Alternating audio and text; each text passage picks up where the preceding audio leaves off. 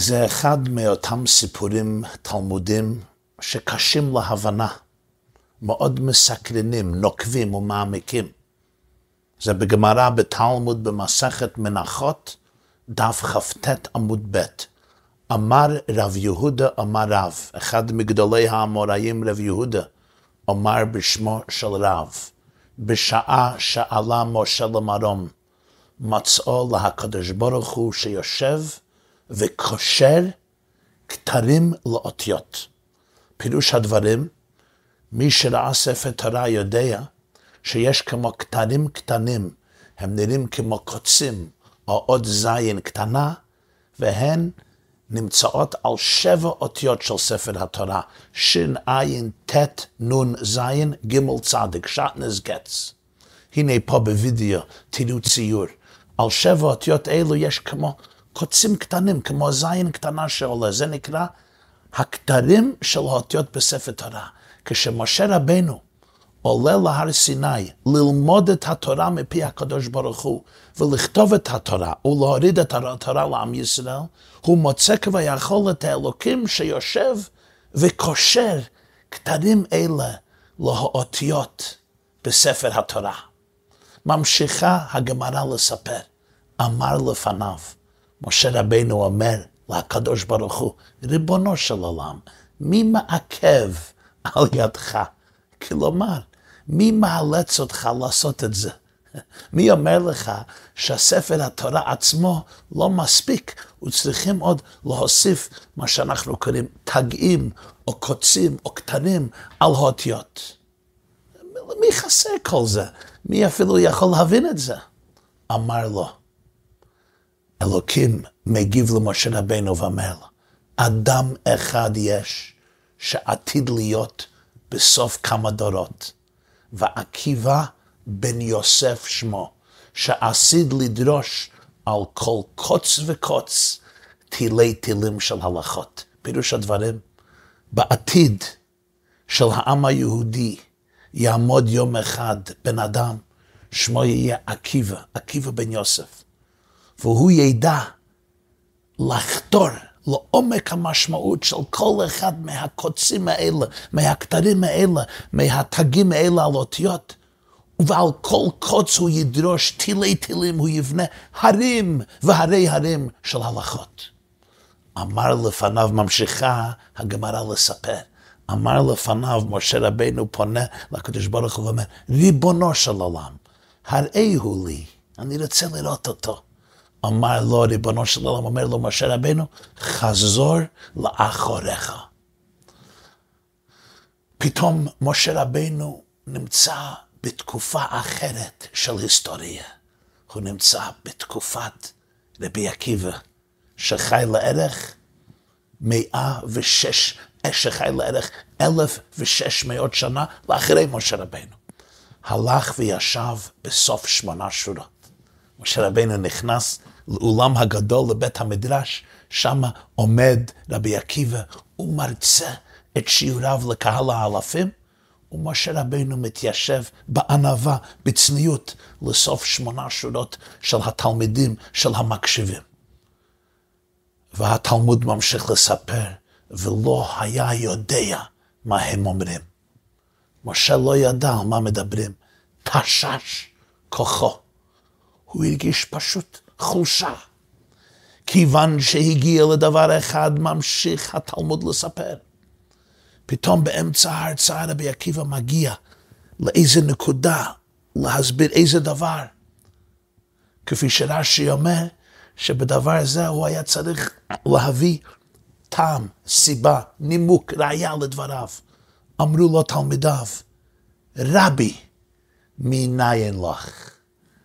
הרבה שלנו, רבי עקיבא, מאיפה הגעת לנקודה זו, לבסיס זה, לרעיון זה, לחידוש זה? אמר להם, אומר להם רבי עקיבא, מאיפה אני יודע את זה? הלכה למשה מסיני. זה קיבלתי במסורה מרבותיי, מדור דור עד למשה רבנו שקיבל את זה מהריבונו של, עולם בהר סיני. כיוון ששמע משה רבנו דברים אלה, נתיישבה דעתו. הוא נרגע. חזר ובא לפני הקדוש ברוך הוא, אמר לפניו, ריבונו של עולם, יש לך אדם כזה, ואתה נותן תורה על ידי? אני לא מבין. יש לך רב עקיבא בן יוסף, שהוא ייתן את התורה, למה אני נותן את התורה? אמר לו, ריבונו של עולם, אומר אלוקים לרב מוישה, שתוק. כך עלה במחשבה לפניי. על זה צריכים לשתוק. זה התוכנית שלי, זה הרצון שלי, זה המחשבה שלי. לכאורה בהשקפה ראשונה, רבותיי, כל הסיפור נראה אבסורדי. ראשית, איך ייתכן שמשה רבנו לא הבין את הרצאתו של רבי עקיבא? התלמידים כן תפסו ומשה לא תפס. הרי משה למד בהר סיני במשך 40 יום ו-40 לילה למרגלותיו של המורה הטוב ביותר בכל הזמנים, השם בכבודו בעצמו. לאחר מכן, משה רבנו לימד את כל העם את כל התורה כולה. כל מה שהם ידעו, הם קיבלו ממנו. משה היה המוח הגדול, המנהיג הגדול ביותר בכל הזמנים. לא קם נביא כמשה, אשר ידעו השם פנים על פנים. הרמב"ם, הנשר הגדול, כותב על משה רבנו, מבחר המין האנושי. הגמרא אומרת במסכת מגילה או בירושלמי פיה, כל מה שתלמיד ותיק עתיד לחדש, הכל ניתן למשה מסיני. איך ייתכן שמשה יושב בשיעור של רבי עקיבא והוא לא מצליח לתפוס את הדברים, הוא לא יודע מה הם אומרים. מה שעוד יותר מוזר, הוא תגובתו של משה כשהוא לא מצליח להבין. איך אומרת הגמרא? תשש כוחו. הכוח שלו מתפוגג, מתפוגג. האנרגיה שלו כביכול מתרוקנת. וכשרבי עקיבא מצטט אותו, אמר להם הלכה למשה מסיני, נתיישבה דעתו, דעתו נרגעת. מה עלינו להסיק מזה? האם נגיד חלילה שהאגו של משה התנפץ תחילה בגלל חוסר ההבנה שלו, ואחר כך כשמע שמצטטים את שמו הוא נרגע? האם משה רבינו באמת נרגע מהעובדה שסוף סוף הוא זוכה לאזכור בשיעור שהוא לא יכול לעקוב אחריו? תבינו, אם זה לא היה משה רבינו, אני יכול להבין את, את הסיפור היטב. דמיינו לעצמכם את, ה, את התיאור, את, את הסצנה הזו. אני חושב שאני אדם חכם, מלומד, בחור מבריק, משכיל, גאוני. אפילו אולי כתבתי ספרים, אולי אפילו אני חושב שאני ראוי לזכות בפרס נובל. בסדר. יום אחד אני מגיע לאיזו הרצאה של מלומד גדול, אני לא מבין מילה. אני מרגיש נורא. הערכה העצמית שלי צונחת לתהום. אני מרגיש כמו אידיוט. אני יושב שם, מרגיש כמו דפוק כמו טמבל. לפתע, פתאום, המרצה מצטט אותי כמו מקור של הרעיונות שלה. אה, האגו שלי ברגע האחרון ניצל. ההערכה העצמית שלי מתאוששת. אני כבר בסדר, אני כבר לא צריך ללכת לתרפיסט מחר. למי אכפת אם לא הבנתי מילה וחצי מילה מההרצאה שלו? השורה התחתונה היא שהאיש הזה ציטט אותי כמקור שלו, וכולם שמעו את שמי, כמים קרים על נפש עייפה. מדהים, ציטטו אותי. הוא אפילו אמר את השם שלי בהברה נכונה. רבים מאיתנו יכולים להתייחס לזה, אם בהומור או שלא בהומור. אבל כשמודע במשה רבנו, עליו אומרת התורה בפרשת בהעלותך, בספר במדבר, פרק י"ב, פסוק י"ג, והאיש משה ענב מאוד מכל האדם אשר על פני האדמה. כיצד מתאים הסיפור התלמודי הזה לאדם הצנוע ביותר עלי אדמות? האם זו הגישה של האדם הכי ענב בעולם? שכשהוא לא מצליח להבין, הוא הרוס, וכשמצטטים אותו, אה, הוא מבסוט. בואו ניקח את זה צעד אחד קדימה. איך באמת משה היה ענב מאוד מכל אדם אשר על פני האדמה? האם באמת הוא לא היה מודע לגדולתו היוצאת דופן? האם הוא לא יודע שריבונו של עולם בחר בו ולא באף אחד אחר? להיות המנהיג והנביא הגדול ביותר בכל ההיסטוריה? לא כן עבדי משה בכל ביתי נאמן הוא. אלוקים בחר אותו בצנע לגאול את עמו ממצרים? להפוך אותם לעם, לתן את התורה לעם היהודי ולכל העולם? האם הוא לא יודע על מעלותיו, על כישרונותיו, על קדושתו, על האצילות שלו, על הממלכתיות שלו, על כישרונות שלו, על כוח הנהגה שלו? הענווה של משה לא באה מבורות, לא באה מנאיביות. לא, ודאי שמשה הכיר את עצמו. ודאי שמשה ידע, כשהיו צריכים ללחום, הוא ידע איך ללחום.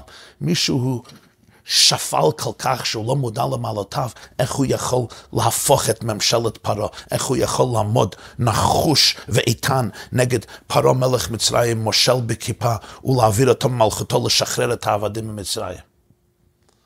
משה ראה את כל תכונותיו, את כל כישרונותיו, את כל מעלותיו, כמתנת אלוקים. הוא לא חשב שהוא יצר אותם. הוא ידע שהם לא מעשה ידיו להתפאר בהם. ולכן לא הגיש שום הצדקה שהוא ירגיש נעלה יותר מאחרים במה שלא שייך לו. זו מתנה מלמעלה. ריבונו של עולם העניק לו מתנה. יתרה מכך, כותב בעל התניא, משה חשב באמת, אילו היו נותנים למישהו אחר כישרונות דומות, מתנות דומות, ייתכן מאוד שאותו אדם היה יכול לממש אותן אפילו יותר ממשה רבנו. לכן הוא לא רק היה עניו, הוא היה עניו, איש מוישה עניו מאוד מכל האדמה של הפני האדמה. עניו יותר מכל בן אדם אחר על הפלנטה. למה? כי הוא הרגיש באמת שאין לו מה להתפרע לאחרים. דבר אחד, הוא באמת משהו יוצא דופן, אבל זו מתנה מלמעלה. ואולי אם מישהו אחר היה מקבל מתנה זו ממש מלמעלה, היו משתמשים במתנות ייחודיות אלה בצורה אפילו טובה יותר. היו מגשימים את הכוחות והכישורים שהקדוש ברוך הוא נתן להם בצורה אפילו יותר חזקה ממשה רבנו עצמו. אז תבינו, משה מסתובב כל חייו עם הכרה זו, עם אמונה זו, עם מודעות זו. אני משה רבנו. לא קם נביא כמשה, אשר ידעו השם פנים על פנים, אבל אך ורק בגלל שהקדוש ברוך הוא נתן לי מתנה מיוחדת, שאולי אחרים היו מנצלים אותם ומגשימים אותם, אותם ומביאים אותם מהכוח אל הפועל יותר טוב ממני. ובכן, סוף סוף, יום בהיר אחד, משה פוגש את ה... איך אומרים? המאץ' שלו, את השידוך שלו. הוא פגש את הבן אדם הזה, שתמיד היה רק יכול לשער עליו בדמיון. פתאום בישיבתו של הענק הגדול רבי עקיבא בן יוסף, שמע משה דברים שהיו אפילו מעבר לו. איך אומר הגמרא? איך אומרת הגמרא? הוא לא הבין, מה, לא ידע מה הם אומרים. פתאום, בפעם ראשונה, משה נתקל בבן אדם שניחן בחוכמתו של משה.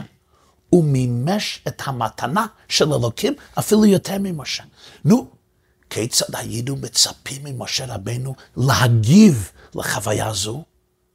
אה, עכשיו אני מבין למה הייתי עניו כל השנים, שלא הייתי אמור להתבהר בו, מה שהאמנתי כל השנים, אני עכשיו רואה. זה הרי ההצדקה לכל המודעות שלו לאורך כל השנים. האמונה שקימה את הענווה שלו. במקום זאת, מה קורה? ברגע האמת, ברגע של הניסיון, כביכול הוא מאבד את עצמו. תשש כוחו, כוחו מתפוגג, הוא מאבד את האנרגיה שלו. העובדה שמישהו מבין מה שהוא לא מבין, מטרידה אותו עד היסוד. משה, מה קרה פתאום? ומה גורם לו להירגע? שרבי עקיבא מצטט אותו. ציטטו אותי, הלך למשה מסיני. ברור שיש כאן עניין עמוק יותר. צריכים להבין את הסיפור בצורה הרבה עמוקה יותר. אם אפילו זקוקים להוכחה נוספת, לא חושב שזקוקים, אבל אפילו זקוקים. תראו את המשך הסיפור. כשמשה רואה את גדולתו של רבי עקיבא, הוא פונה לריבונו של עולם ואומר, למה אתה נותן את התורה על ידי? תן את התורה על ידי רבי עקיבא. כלומר, משה אומר לאלוקים, יש לך אדם כזה, ואתה נותן את התורה דרכי? משה, בישרות שלו, באמיתיות שלו, בענווה שלו, מוכן לוותר על כל הכבוד הנצחי. תמחק אותי מדפי ההיסטוריה. כי הוא הבין והגיש שרבי עקיבא ראוי לתפקיד יותר ממנו. רואים בסיפור זה עצמו מי הוא משה רבנו. היה זה בהתוועדות שבת פרשת שמיני, חבב בניסן, תשכ"ו, 6 באפריל 1966, 1966. הרבי מלובביץ' באמצע ההתוועדות באחד משיחותיו הציע אחד מההסברים האפשריים לסיפור התלמודי הזה. זה היה לפני שנולדתי. אני שמעתי את השיחה הזו מהרבי מלובביץ' בשבת לאחרי החתונה שלי מאת דוד שלי. שמו היה רב שולם ג'ייקובסון, זיכרונו לברכה, הוא נפטר לפני כמה חדשים, והוא היה נוכח בעת מעשה, בשבת פרשת שמיני, חודש ניסן תשכ"ו, 1966, כשהרבי מלובביץ' הסביר את הסיפור הזה. ובעת סעודת השבע ברכות של אני וזוגתי, דודי, זיכרונו לברכה, חזר על הדברים כפי שהוא שמע את זה מאת פיו של הרבי מלובביץ' בשנת תשכ"ו. המסר עוד מהדהד במוחי. דודי, עליו השלום, רצה, אני חושב, להנחות אותי בחיים, ומסתמה גם הקהל שהיה שרוי בעת המסיבה. מה שהטריד את משה רבנו לא היו ההברקות הגאוניות של רבי עקיבא, שהוא לא תפס. כי למשה לא הייתה בעיה לתפוס את הרעיונות האינטלקטואליים שהוצגו, מה שגרם למשה כאב. למה תשש ככה? למה הוא הגיש תשוש חלוש? זה היה משהו אחר לגמרי. בוא נבין. התנאי המקדים, התשתית היסוד ללימוד התורה באמיתיות, בכנות, הוא ההתמסרות המלאה לאמת. אם אני רוצה להיות לומד תורה, אני חייב לכל ראש להשעות את האגו שלי ואת כל האג'נדות שלי, פיזיות, פסיכולוגיות ורגשיות וגם רוחניות. איך אומר המשורר דוד המלך בתהילים פרק מ', אזניים כרית לי. אומר רש"י, כרית לי, עשיתם חלולים לשמוע. אתה כרית, אתה יצרת חור, חור, נקב, חלל, שהאוזן שלי יכול לשמוע. מה החידוש? זה טבע של כל בן אדם, אפילו בעלי חיים יש אוזן, ברוך השם האוזן יכול לשמוע. זה נס, זה נס של הטבע, מה שקורה שם, המדע, הביולוגיה של האוזן, זה משהו מפתיע לגמרי, שבעצם מציאותו מפגין את המציאות של, של בורא עולם, של אדריכל שתכנן את זה. אבל מה אומר דוד המלך? אזניים כרית לי? אזניים כרית לכל אחד, לכל תינוק, ברוך השם, מקווים שיש אוזניים. העניין הוא יש אזניים מיוחדות שצריכים לכרות, שצריכים ליצור כדי לשמוע דברי תורה. אני צריך להיות מוכן לשמוע דברים חדשים, לחשוב באופן חדש. איך אומרת הגמרא במסכת ברכות, תס"ג עמוד ב', אמר ריש לקיש, מניין שאין דברי תורה מתקיימים, אלא במי שממית עצמו עליה, שנאמר, זאת התורה, אדם כי ימות באוהל. פירוש הדברים נשלוקש אומר, לא ייתכן שדברי התורה באמת יחקקו ויופנמו וייכנסו למוחי, לנשמתי, ללבי, אם אין פה התמסרות מלאה, אבל מלאה ממש לאמת. אם אני מחפש תהילה, אני מחפש כבוד, אם יש לי אג'נדות מכל סוג שהוא, אינטלקטואלי, רגשי, פסיכולוגי, אני לא יכול להיות לומד תורה אמיתי.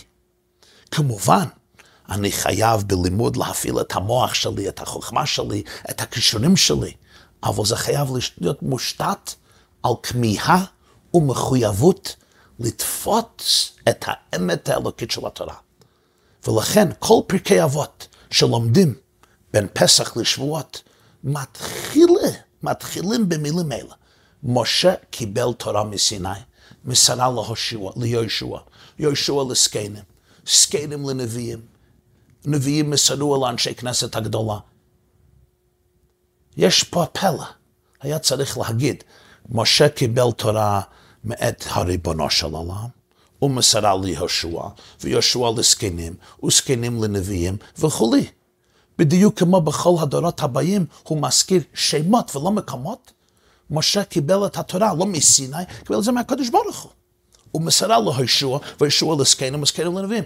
אצל משה לא כתוב ממי קיבל את זה, כתוב רק המקום איפה קיבל את זה, סיני. המדרש שמואל אומר שהפירוש הוא ככה, משה קיבל תורה מסיני, משה למד ולימד אותנו איך לקבל תורה.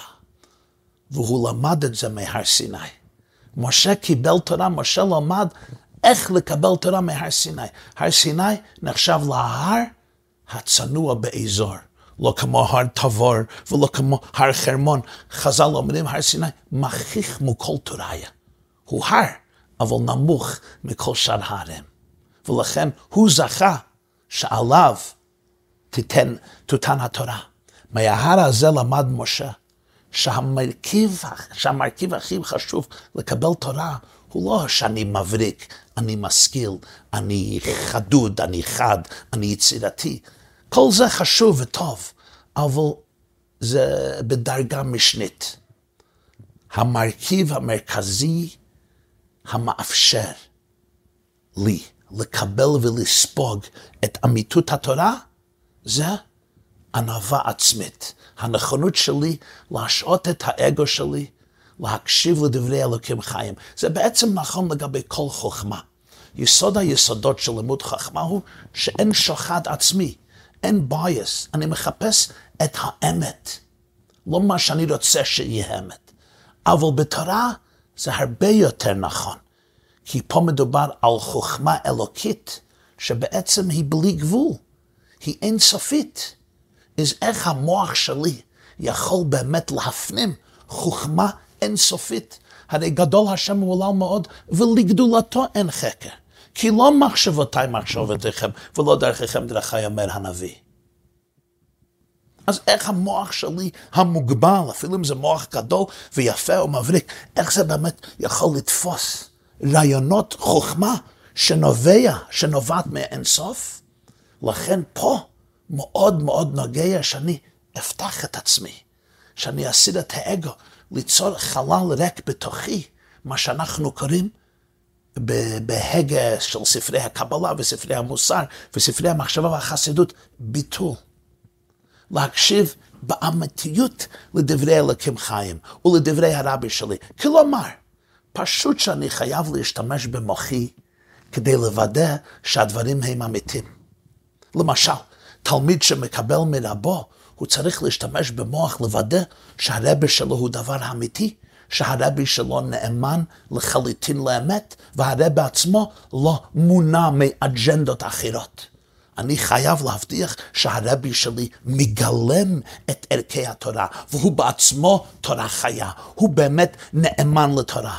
אם אין לי יכולת האפליה הזו, אני יכול חלילה להגיע לכת, וזה מסוכן מאוד כשבני אדם מפסיקים לחשוב, מפסיקים להשתמש במוח שלהם, סוגרים את המוח, זה מה שכת רוצה. אין לזה קשר ליהדות אמיתית. התורה רוצה שאשתמש במוחי ובתהליך החשיבה הביקורתית שלי. יש אמרה נפלאה בפרקי אבות מהגאון רבי חיים מוולוז'ין. רבי חיים מוולוז'ין היה תלמידו מובהק של הגאון מווילנה. כתוב בפרקי אבות, פרק ראשון, יהי ביתך בית ועד לחכמים, והווי מתאבק באפר רגליהם, והווי שותה בצמא את דבריהם. מה זה והווי מתאבק באפר רגליהם? אומר רבי חיים מוולוז'ין, מתאבק זה גם מלשון מאבק. איך אומר, איך כתוב על יעקב, כן? אמ, ויוותר יעקב לבדו, בפרשת וישלח, ויוותר יעקב לבדו, ויאבק איש עמו עד עלות השחר. זה, זה בוקס, זה מלחמה. אומר רבי חיים מוולוז'ין, תלמיד אמיתי, הוא מתאבק עם רבותיו. הוא לא, הוא לא אה, נעשה עיוור לאמת. אם יש לו שאלה והוא לא מבין, הוא שואל. תסתכלו על כל דף של התלמוד בבלי, מלא פרחות וקושיות וטיופתות ושקלא וטריא, כמעט בכל עמוד מחלוקת ועוד מחלוקת ועוד מחלוקת. כי אם אני, אם אני חושב שזה לא אמת, אני מחויב להתאבק. עם, עם מוריי, עם, עם מדריכיי, עם מלמדיי, עם רבותיי, ומתאבק. כי הדבר החש... היחיד שאתה צריך לחשוב עליו זה האמת, ורק האמת, בלי שום שיקולים אחרים. אבל שזה יהיה באפר רגליהם, אל תיכנס לזירה של נצחנות, אני צריך לנצח. כי אז אתה תפסיד הכל. שזה יהיה באפר רגליהם, שזה יהיה בענווה, לא עם אגו, לא כי אני רוצה להראות להרבה שלי, הוא אני המתוחכם, אז תפסיד הכל. העיקר הוא האמת. כלומר, אם המטרה היא להתווכח, להפגין שאני צודק, אני הפרחתי אותך, אז ממש אתה לא מסוגל לתפוס את כל העניין. המטרה היא תמיד לגלות מהו רצון השם. מהי ההשקפה של בורא העולם? מה אומרת הנשמה, הפנימיות של הבריאה? מה אומר כוח הפועל בנפעל? מהי, מהי האמת האלוקית על כל דבר? מה התורה באמת רוצה ממני? לעולם לא לנסות לכפות את ההטיות שלי עד כמה שאני חושב שהן מעניינות על התורה. אה, ובכן, נחזור לסיפור שלנו. משה רבנו נכנס אל בית המדרש. שם מעביר רבי עקיבא את הרצאתו התורנית בפני מאות, אולי אלפי תלמידים. הרי הגמרא ביבמות דף ס"ב אומר שלרבי עקיבא היו עשרים וארבע אלף תלמידים. משה מתבונן, משה מסתכל, משה מתיישב, מקשיב, קולט. רבי עקיבא, אנחנו יודעים, היה אחד המוחות המבריקים ביותר בהיסטוריה היהודית. לרבי עקיבא היה מורה, היה רב רב, שמו היה רבי אליעזר. קוראים לו רבי אליעזר בן הורקנוס, רבי אליעזר הגדול. לא היה רבי, רבי יוחנן בן זכאי. בפרקי אבות פרק שני רבי יוחנן בן זכאי מדבר על חמישה תלמידים שלו. אחד מהם היה רבי אליעזר, רבי ראש רבי עקיבא. הוא משבח את רבי אליעזר במילים אלה. בור סוד שאינו מאבד טיפה. המורה, המחנך הדגול של רבי עקיבא, רבי אליעזר הגדול, הוא בור סוד, הוא לא מאבד טיפה. הבור הזה, יש לו סיד, בלי נקבים, בלי חורים, בלי ליקס, המים לא מתפרץ ולא יוצא. רבי אליעזר אוחז כל טיפה של מים, אינו מאבד טיפה. אבל תלמידו רבי עקיבא, הוא לא רק בור סוד שאינו מאבד טיפה, הוא גם מעיין פועם, מלא חדשנות, יצירתיות וחריפות. יש פסוק במשלי, בפרק ה', שתי מים מבורך, ונוזלים מתוך בארך יפוצו מעיינותיך חוצה ברחובות פלגי מים. אומר על זה המדרש בספרי פרשת עקב, אמר רבי עקיבא, יש סתירה. בהתחלת הפסוק הוא אומר, שתי מים מבורך, מהבור שלך. אחר כך אומר, ונוזלים מתוך הבאר שלך, מתוך בארך. זה בור או זה באר? איזה זה? אומר רבי עקיבא, בור, תחילתו, לא יכול להוציא טיפת מים מאליו. לא, אין בו אלא מה שבתוכו. מה שמכניסים לתוך הבור, לתוך הסיסטר, זה מה שיש. אין שום מים חדשים. כך אומר רבי עקיבא, תלמיד חכם לא למד מתחילתו כל דבר. הוא לא שנה, אלא מה שלמד. מה שאומרים לו, זה מה שיש בו. הוא בור, בור סוד שאינו מאבד טיפה. אבל רבי עקיבא אומר, זה לא התכלת. התכלת הוא, ונוזלים מתוך בערך, מה באר מתמלאת מים חיים מכל צדדיה, כך באים תלמידים ולומדים הימנו, יפוצו מעיינותיך חוצה. יש בור ויש באר. רבי עקיבא דורש מעצמו ומאיתנו להפוך למעיינות חיים, הפועמים במים יצירתיים, במים תוססים. רבי עקיבא הוא מהפכן בנפש, בלב ובפעולה. גם ב, על הקרקע, רבי עקיבא הוא זה שהיה נושא כלים של שמעון בן כוזי ושל בר כוכבא, הוא נתן את ההשראה ואת העזר לקיים את מרד בר כוכבא הנועז נגד האימפריה הרומית האדירה שהחריבה את בית המקדש השני, שרק שיקפו את המקוריות שלו, את היצירתיות שלו. זה שהיה חסר פחד. רבי עקיבא, אומרים לנו חז"ל, היה מוכן להתווכח אפילו עם אחד מהחכמים הענקים שהיה מבוגר ממנו בהרבה, רבי גמליאל, אם הוא מרגיש שהוא טועה. יש תוספתא במסכת ברכות פרק ד', מעשה ברבי גמליאל. רבי גמליאל היה נשיא ישראל והזקנים היו מסובים ביריחו. הביאו לפניהם כותבות ואכלום, נותן רבי גמליאל רשות לברך, קופץ רבי עקיבא ומברך ברכה אחת מעין שלוש. אומר לו רב גמליאל, עקיבא, מה אתה מכניס ראשך בין המחלוקת? מה אומר לו רבי עקיבא? לימדתנו רבנו, אחרי רבים להטות. אתה אומר כך, אבל חבריך אומרים כך, הלכה כדברי המרובין. אותו דבר רואים גם בתוספת במסכת ביצה. זה רק נותן לנו איזה טעם. מי זה רבי עקיבא? הוא העמיד 24 אלף תלמידים לא בכדי. הגמרא אומרת בסנהדרין, כולו אליבא דרבי עקיבא. כל המסורה של תורה של רבי שלנו הולך, הולכת על ידי רבי עקיבא. וכשרבי עקיבא מציג את חוכמתו האדירה, ומשה רבינו מסתכל, תשש כוחו. מה שמשה לא תפס לא היה פרט זה או פרט שני. משה רבינו, ברוך השם, היה לו ראש טוב, היה יכול לתפוס את שריו של רבי עקיבא כמו של התלמידים. משהו אחר העיק לו. בישיבה בבית המדרש שלו, התבונן משה רבנו ברבי עקיבא, ומה הוא ראה? הוא ראה את רבי עקיבא, ענק הענקים.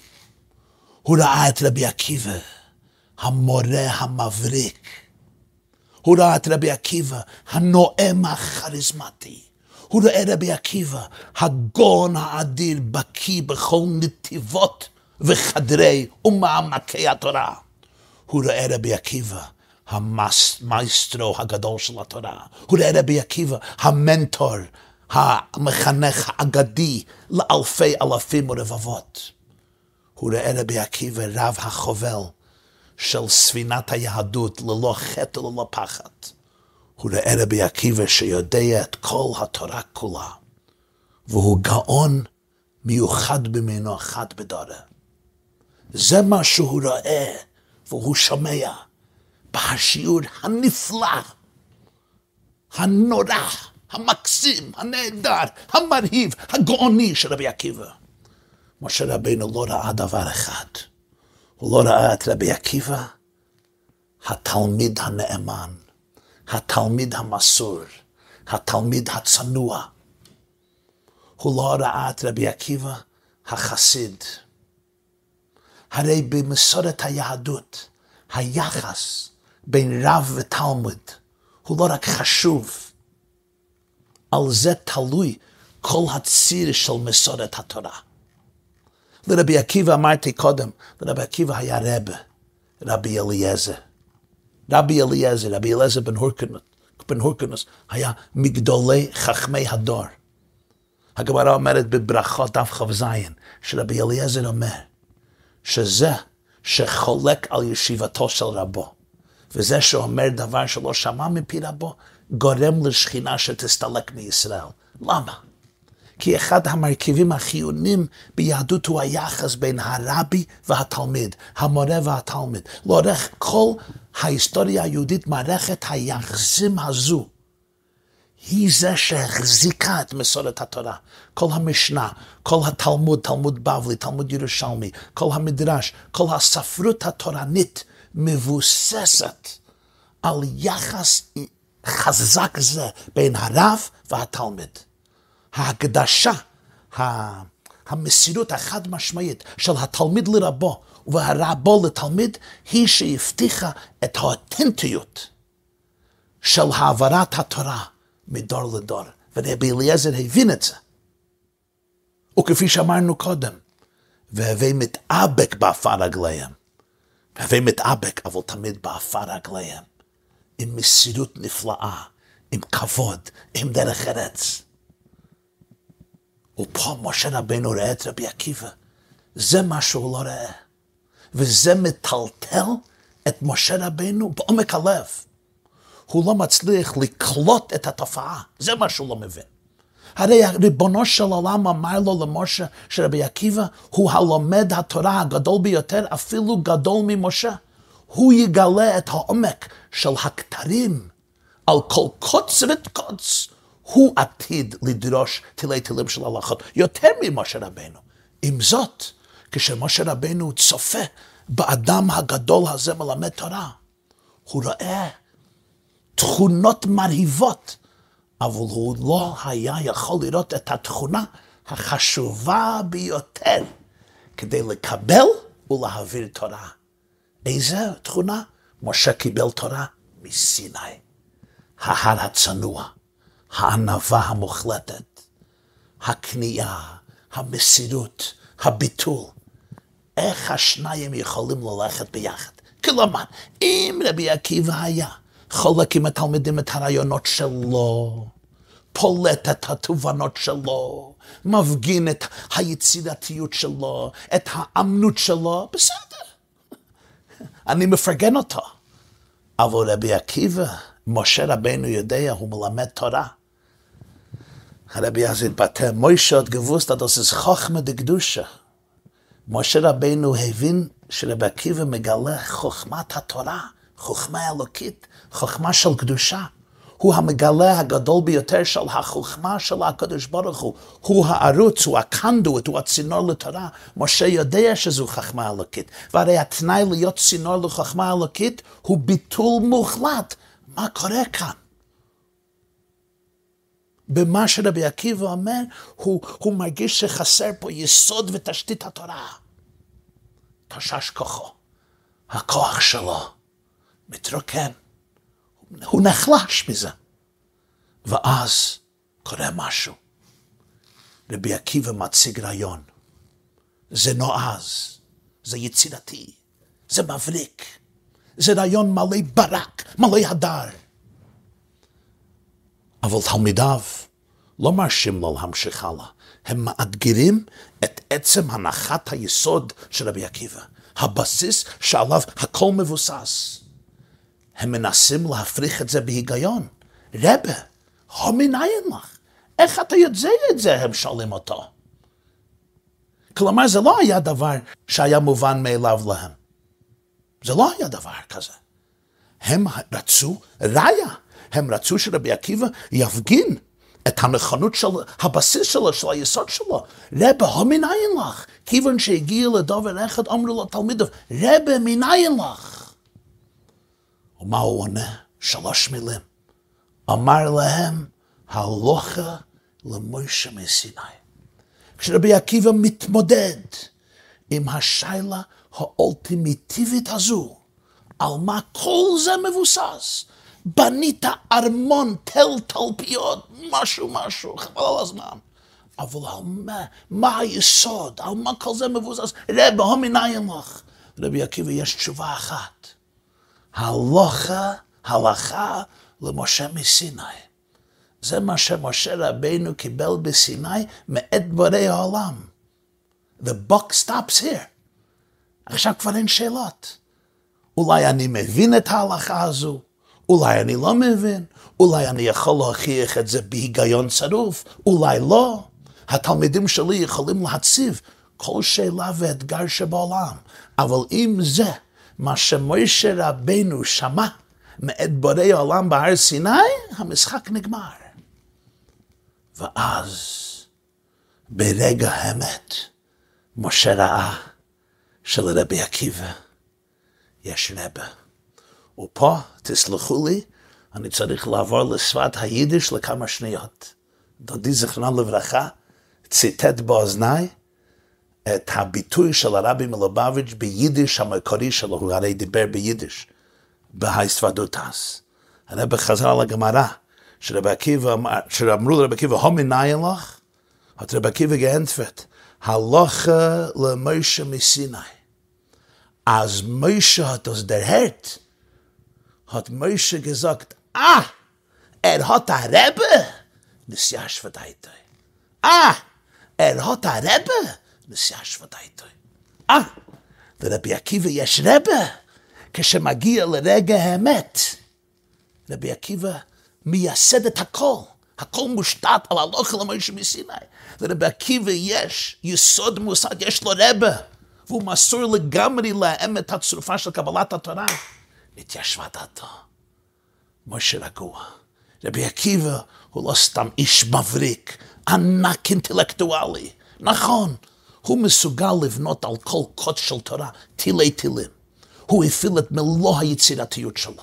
הגאונות שלו, הכוחות והחושים שלו, כדי לבנות את הארמונות המדהימות ביותר בתולדות התורה.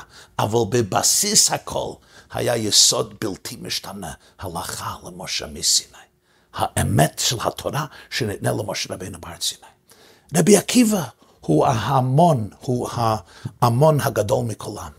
הוא יודע לשלב את הצבעים כדי ליצור את הציורים המשובחים ביותר במסורת התורה. אבל הדיו המקורי הוא תמיד הלכה למשה מסיני. רבי עקיבא הוא, אם אני יכול להשתמש להבדיל במשל זה, הוא המייסטרו. הוא כותב את הסימפוניות מעוררות ההשראה ביותר בתולדות התורה, אבל הפתיח הוא הדברים שנשמעו ממשה בסיני. ופה אומרת לנו הגמרא, מסר לדורי דורות. בורא העולם רוצה שנהיה יצירתים, בעלי תושייה, מקורים, חדשנים. השם אוהב מהפכנים שישנו את העולם, שיעירו את העולם, שלא יפחדו לתקן עולם במלכות ש"ד, איך אומרת הגמרא בשבת קי"ט, להיות שותף לקדוש ברוך הוא במעשה בראשית. הקדוש ברוך הוא רוצה שנממש את כל המתנות, כל הכישרונות, המשאבים, הפוטנציאלים שלנו, אם במוח, אם בלב, אם בנשמה, פיזיים ורוחניים וכספיים וכולי. הוא רוצה שנפעיל כל סגל וכל כוח שיש לנו כדי לחיות את החיים הכי משמעותיים, מאושרים, מלאי השראה ויופי וחן וחסד ככל האפשר, ולהאיר איתם את הסביבה שלנו, את החברה שלנו, המשפחה שלנו, הקהילה שלנו, המדינה שלנו וכל העולם. אולם, כדי שכל זה יחזיק מעמד, ומעמד נצחי, עלינו להיות תמיד מעוגנים בתוך בסיס איתן. עליו נוכל לבנות את, ה, את המגדלים הכי ענקים שלנו. עלינו לעזור אומץ ועומק כדי להכריז. מניין לך? הלוך אל המוישה מסיני. זו האמת ששום דבר ואף אחד ושום נסיבות לא ישנו. אז אתה בטוח שכוח היצירתיות שלך בכל יופייה ייבנה על יסודות חזקים ונצחים מעוגנים בדבר השם בלשון הנביא ישעיהו בפרק מ', יבש חציר, נבל ציץ, ודבר אלוהינו יקום לעולם. חג שמח.